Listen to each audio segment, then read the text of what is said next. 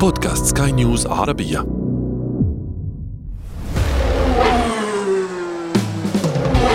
محركات برعاية موتو برو.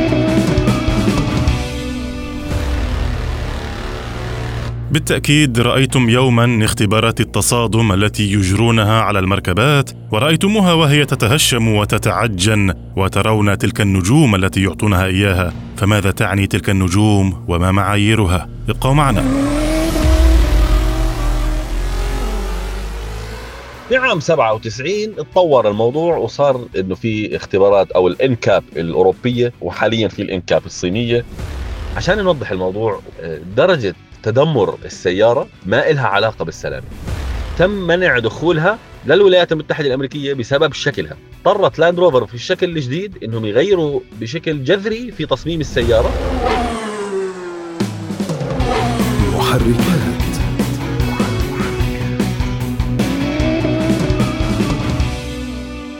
أنا أشرف فارس وأصحابكم في حلقة جديدة من محركات حيث نهتم بتقوية ثقافة المركبات لديكم. اليوم وكما سمعتم سوف نتحدث عن اختبارات السلامة. فعليا تزايدت التقنيات المقدمة من مختلف مصنعي المركبات لتعزيز الأمن والسلامة في الفترة الأخيرة والتي تخضع معظمها لاختبارات هيئة يورو NCAP.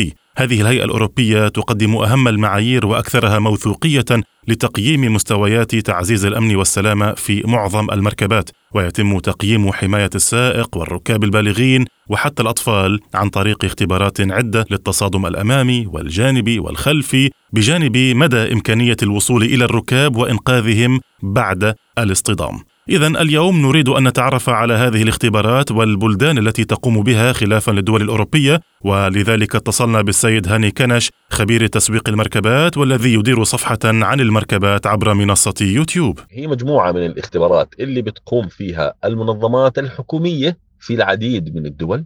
هدفها إنها تفحص السيارات. هل هاي السيارات مؤهلة إنها تدخل الأسواق تبعتها أو لا؟ بناء على بعض المعايير اللي تختلف من بلد لبلد. ضمن ما بتشوفه الدولة إنه والله يتناسق مع تضاريس تبعتها مع الشوارع تبعتها مع العوامل الجوية تبعتها.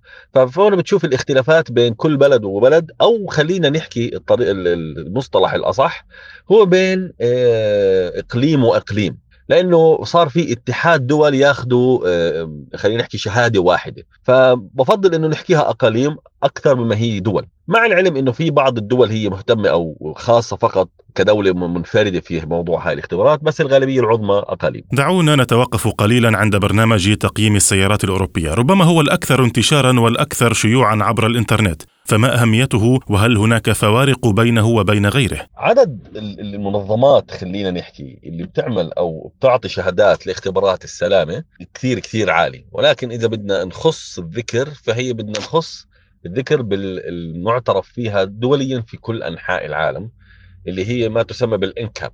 هي مصطلح واختصار اللي هو NCAP اللي هو new new car assessment program.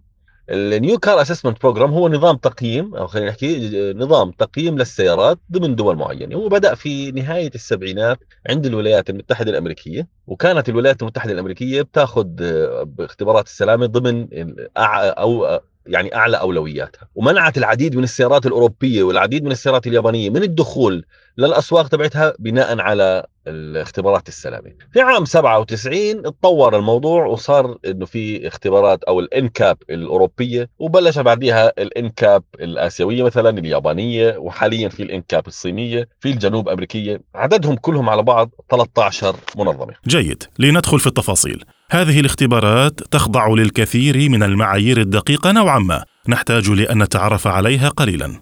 هلا اختبارات السلامة مثلا الأوروبية هي بتاخذ بتاخذ عوامل أعلى في العادة من اختبارات السلامة الأخرى هاي واحد. اثنين تاخذ عوامل مش بس ما داخل المركبة تاخذ عوامل ما داخل المركبة الركاب المركبات الأخرى والمشاة. لاحظ الأوروبية هي من أعلى أو أصعب اختبارات السلامة اللي بتقوم فيها المنظمات هاي كلياتها. يعني على سبيل المثال الأمريكية بتاخذ بس سلامة الركاب داخل السيارة الأوروبية بتاخذ كل اللي ذكرت لك إياهم. فمشان هيك الناس دائما بتفضل إنه والله يشوفوا شو اختبارات السلامة أو كم نجمة أخذت السيارة ضمن اختبارات السلامة الأوروبية. لأنهم بياخذوا الموضوع بطريقة أعلى بكثير. على فكرة هذا فقط مش بس عند السيارات أو اختبارات السيارات هو برضه الأوروبيين بيزودوها كمان في معايير السلامة ضمن الأشياء داخل المركبة. أحزمة الأمان المقاعد مثلا بتلاقي مرات مقاعد الأطفال لها تصنيفات أوروبية وتصنيفات أمريكية. التصنيفات الأوروبية بتخضع ل... لعوامل أو لاختبارات أعلى من التصنيفات الأمريكية. طريقة الاختبارات كلياتها. كم مرة بنعاد الاختبار؟ كثير الأوروبيين بياخذوها في عين الاعتبار والسبب بيحكوا لك إنه الأوروبيين إنه ده حركة السيارات وإحنا الطرق متعرجة والأجواء وكذا وكذا كل الأوروبيين بتشاركوا تقريبا في نفس البيئة الجوية على خلاف الولايات المتحدة الأمريكية اللي بتختلف فيها العوامل الجوية من شرقها لغربها من شمالها لجنوبها. فالأوروبيين هم تقريبا الأعلى والأصعب في اختبارات السلامه. اذا نستنتج أن الاختبارات تخضع لمعايير مختلفة، لكن فعليا هناك نقطة قد تكون الأصعب على المركبات وعلى الركاب أيضا. هلا شو المعايير اللي بيتم اعتمادها؟ أول نقطة دائما الاختبارات السلامه بيشوفوا السيارة كم وسادة هوائية فيها. وجود عدد الوسائد الهوائية أو عدد وسائد الهوائيه بيرفع من تصنيف السيارة. يعني لو السيارة نجحت في اختبارات التصادم اختبارات الانقلاب اختبارات التزحلق اختبارات ردة الفعل اختبار اللي هو يسمى باختبار الغزال مثلا. نجحت في كل هاي الاختبارات بس فيها وسادة وسادة هوائية واحدة تنخسف التقييم. بنخسف التقييم. ممكن تأخذ عدد نجوم قليل جدا فقط بسبب وجود وسادة هوائية واحدة. فأول شيء دائما الشركات بتطلع عليه أو اول فأول شيء المنظمة دائما تطلع عليه عدد الوسائد الهوائية. بيزيد عدد الوسائد الهوائيه الهوائية. بزيد عدد الوسائد الهوائية التصنيف أكيد راح يرتفع. في برضه عندنا اختبارات التصادم وهذا اللي إحنا اللي دائما بنحضره بنشوف مثلا فيديوهات اختبارات تصادم اختبارات تصادم. اختبارات التصادم بتكون مثلا أمامية الزوايا الأمامية خلفية الزوايا الخلفية جوانب السيارة انقلاب تصادم مع مركبة ما تمشي يعني مركبة ثانية. بالتصادم مرة ثانية بنعاد بكون أمامي أمامي زوايا خلفي خلفي زوايا وجوانب بانقلاب بين مركبتين ما في. لاحظ كثير بيهتموا في موضوع التصادم. وشوف هنا هي خلينا بس هيك نوقف عندها شوي. كم سيارة بيتم أخذها عشان يصير الاختبار؟ يعني بتاخذ مئات السيارات عشان السيارة تنجح مرة واحدة. فهذا كله خلينا نحكي تكلفة على المصنعين.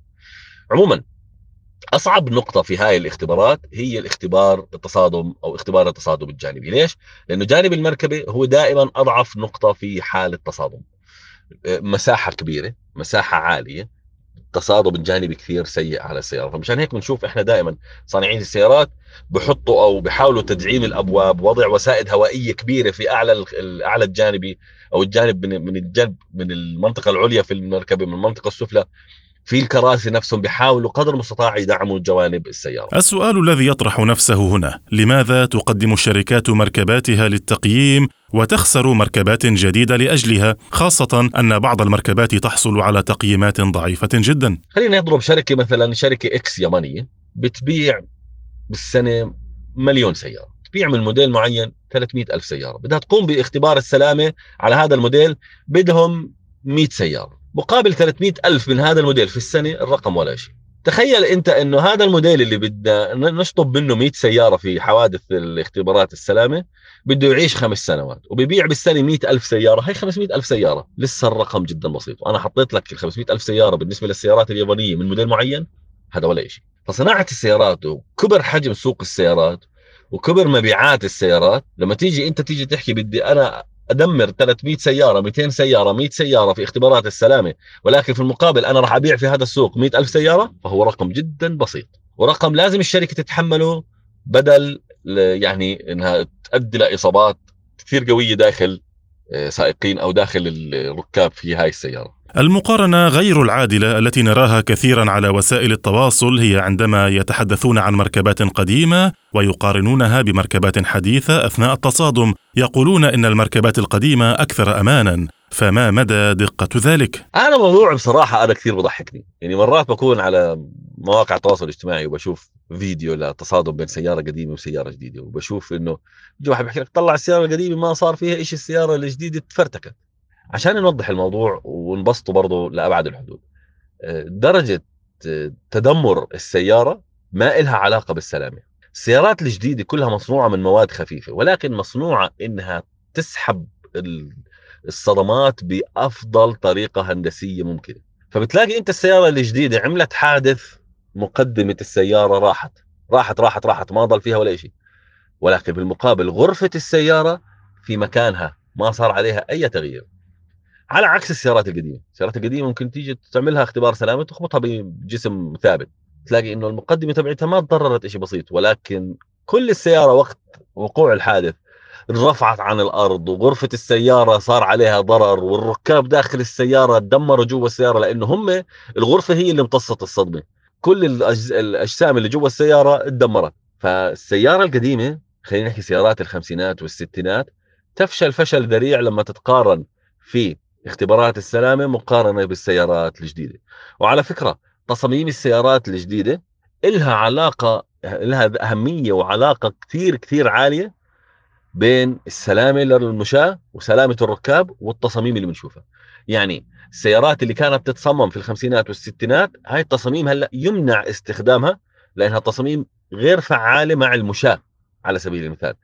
فإنها بتأذي المشاة في حال صار حوادث تصادم مع المشاة. فمشان هيك أنت بتشوف التصاميم تبعت السيارات الجديدة عم تتغير ومستحيل يرجعوا يصمموا سيارة زي السيارات القديمة بنفس الطريقة إنما بيتم التلاعب في التصميم بشكل كثير كبير. اللي يكون تنجح في اختبارات السلام وتاخذ علامة عالية جدا.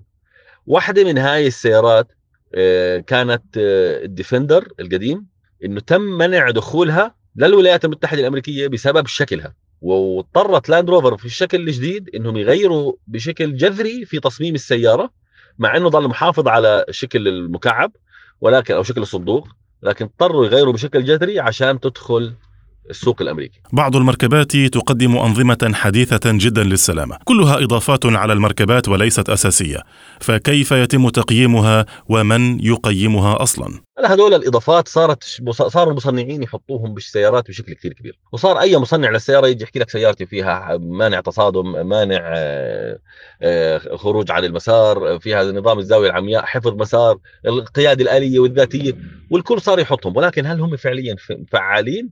اللي بده يقرر هل هاي إنها فعالة أو لا هم الإنكاب.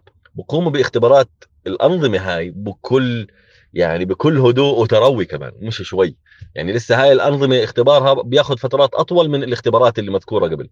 والسبب إنه هاي soft آه، wares برمجيات. أغلبها برمجيات تعتمد على قراءات الكاميرات حوالين السيارة. فالبرمجيات ممكن تتبرمج بطريقة خاطئة يصير فيها تأخير وهذا الحكي فبتم اختبارها بشكل واضح. مشان هيك بتشوف هاي الأنظمة مرات فعالة على سيارة ومش فعالة على سيارة ثانية. بتشتغل بطريقة مش صحيحة على سيارة وبتشتغل بطريقة جدا صحيحة على سيارة ثانية. فوظيفة ال NCAP برضو إنهم هم يقرروا على هاي الأنظمة ويعطوها درجة من 100 آه، تتدخل أو لا تتدخل في موضوع السيارة أو الأمان بشكل عام؟ لا لأنه ممكن ما تنطلب. هي ليست أشياء standard في السيارة. يعني أنا ممكن أروح على الشركة الفلانية أحكي له أنا الغي لي هاي الإضافات أنا ما بدي إياها بحكي لي okay. بيعطيني سيارة. فما بتتدخل في آه، خامة الأمان داخل السيارة إنما بيجي عليها آه، درجة النجاح آه، درجة خلينا من المية. بيعطوها مثلا هاي السيارة هذا النظام شغال 80% 75% 100% إلى آخره. محركات.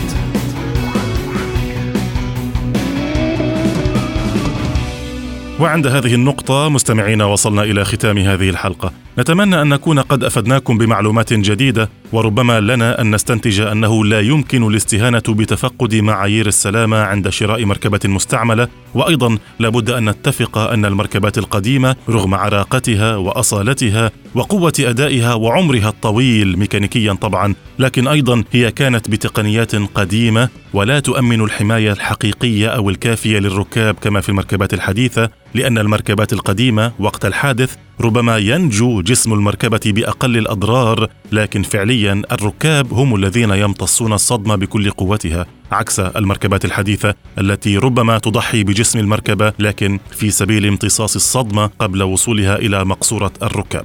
الشكر موصول دائما إلى ضيفنا في هذه الحلقة السيد هاني كنش خبير التسويق وصاحب صفحة على منصة يوتيوب حول المركبات. وقبل الختام ننصحكم بمتابعة برنامج فلك كاست حيث يطرح الزميل بلال البقيلي كل ما هو جديد في علم الفضاء الواسع. أما في هذه الحلقة مستمعين صحبتكم فيها إعدادا وتقديما محدثكم أنا أشرف فارس وكان معي في الإخراج الفني إيدي طبيب. نلقاكم في حلقة أخرى من محركات حيث نهتم دائما بتقوية ثقافة المركبات لديكم. في أمان الله ونتمنى لكم قيادة آمنة. محركات برعاية موتو برو.